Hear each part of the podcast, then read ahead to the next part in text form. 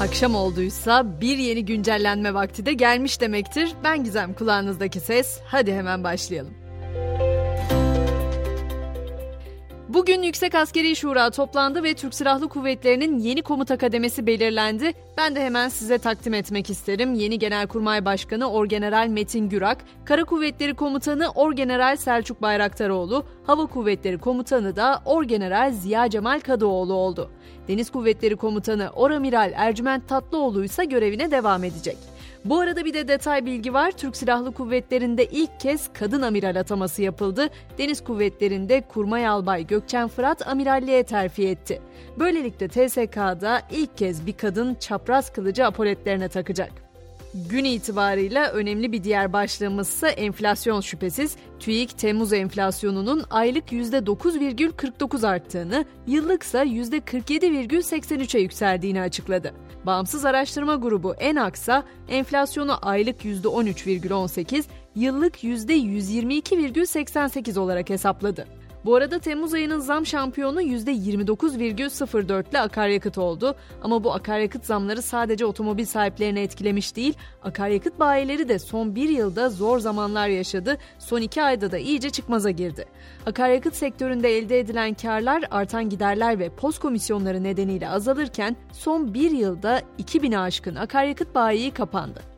Dünya geneline baktığımızda ise Türkiye yüksek enflasyonda Avrupa ülkeleri arasında birinci, G20 ülkeleri arasında ikinci, dünyada ise 8. sırada yer alıyor. Türkiye'nin enflasyon oranı %47,83 olarak hesaplanırken ikinci sıradaki Macaristan'da bu oran %20,1. Gün sonunda piyasaları da şöyle bir dolanalım derim. Dolar 26.97, Euro 29.57 bandında seyrediyor. Gram altın 1680, çeyrek altın ise 2742 liradan satılıyor. Cebimizi yakan haberler kadar tenimizi kavuran sıcakları da konuşuyoruz uzun zamandır. Bir süredir yangınlar ve doğal afetlerle boğuşan 6 Akdeniz ülkesi ortak iklim krizi bildirisi yayımladı. Hırvatistan, İtalya, Malta, Portekiz, Slovenya ve Yunanistan devlet başkanları Akdeniz için çağrı başlıklı ortak bildiride iklim krizinin artık olağanüstü bir hal durumuna dönüştüğünü belirtti. Özellikle Akdeniz bölgesinde aşırı sıcaklar, seller, yangınlar, çölleşme ile su ve elektrik kesintileri gibi etkilerin ağır biçimde görüldüğü vurgulandı. Tam da bu konuda İngiltere'de de bir kez daha iklim aktivistleri yeni bir eylem gerçekleştirdi. Greenpeace aktivistleri Kuzey Denizi'nde yüzden fazla petrol ve gaz ruhsatı verilmesini protesto etmek için İngiltere Başbakanı Rishi Sunak'ın evini siyah örtüyle kapladı. Eylemlerden söz etmişken Hollywood'a da bir uğrayalım. Hollywood'da ünlü isimler yazar ve oyuncuların başlattığı greve destek vermeye devam ediyor. Son destekçi iki Oscar ödüllü Şampen oldu. Ünlü aktör Disney stüdyolarının önündeki eyleme katıldı ve slogan attı. Peki teknoloji dünyasında neler oluyor? Snapchat'ten sonra Instagram'da yapay zeka robotu oluşturma hazırlığında Meta, Instagram üzerinde kullanıcıların sohbetlerine yapay zeka sohbet robotu eklemek için çalışmalar sürdürüyor.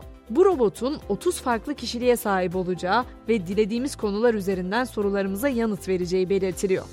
Çin'de ise 15 Ağustos'ta bir yapay zeka yönetmeliğinin yürürlüğe girmesi bekleniyor. Düzenleme veri gizliliği, kullanıcı izni, yapay zeka etiği ve şeffaflığı gibi konuları kapsıyor. Apple bu nedenle uygulama mağazasından ChatGPT ve alternatif uygulamaları kaldırdığını duyurdu. Çinli şirketler ise BART ve ChatGPT'ye rakip olmak için kendi yapay zekalarını üretmeye çalışıyor.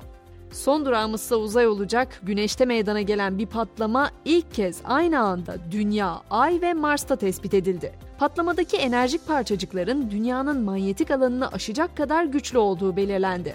Bilim insanları bu tür olayların gelecekteki insanlı uzay keşifleri için ciddi bir risk oluşturabileceğine dikkat çekti. Astronotlar için radyasyon hastalığı uyarısı yaptı.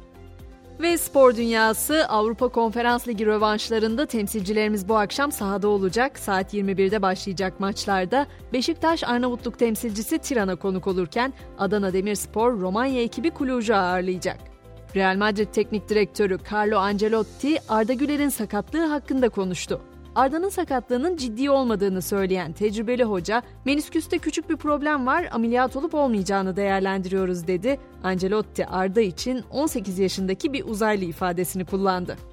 Milli sporcu ve serbest dalış rekortmeni Şahika Ercümen'den ise Cumhuriyet'in 100. yılında 100 metre rekoru geldi. Ercümen, Türkiye serbest dalış tarihinde hem kadınlarda hem de erkeklerde sabit ağırlıkla 100 metreye inen ilk sporcu oldu. Biz de böylece günü ve güncelleni tamamladık. Bu akşam mottomuz Jack London'dan geliyor. Şöyle diyor. Yaşama sevgi beslemeyen varlık yok olma yoluna girmiş demektir. Yaşam sevgimizin hiç eksilmediği güzel bir akşam dileğiyle yarın haftanın son iş günü sabahında yeniden görüşmek üzere. Şimdilik hoşçakalın.